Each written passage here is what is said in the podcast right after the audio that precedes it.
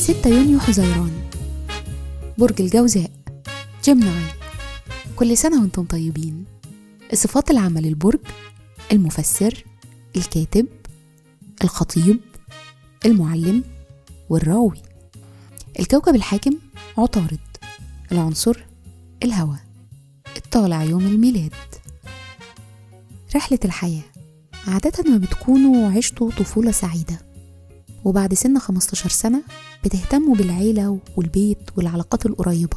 أما لما بتوصلوا لسن ال 45 بتزيد ثقتكم في نفسكم وده بيتيح لكم فرصة إن يكون لكم دور عام.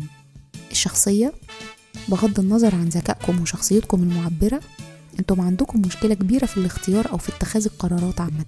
مهرة العمل الكاريزما اللي بتتمتعوا بيها تقريبا هي العامل المهم اللي بيساعدكم في شغلكم.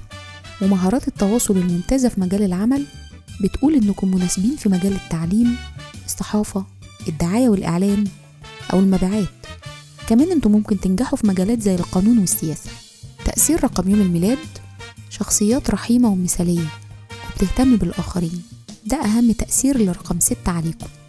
في الحب والعلاقات مليانين حماس وحيوية واجتماعيين وعندكم قدرة على تكوين صداقات بسهولة. أنتم كمان بتنجذبوا للناس اللي بتمنحكم الشعور بالأمان.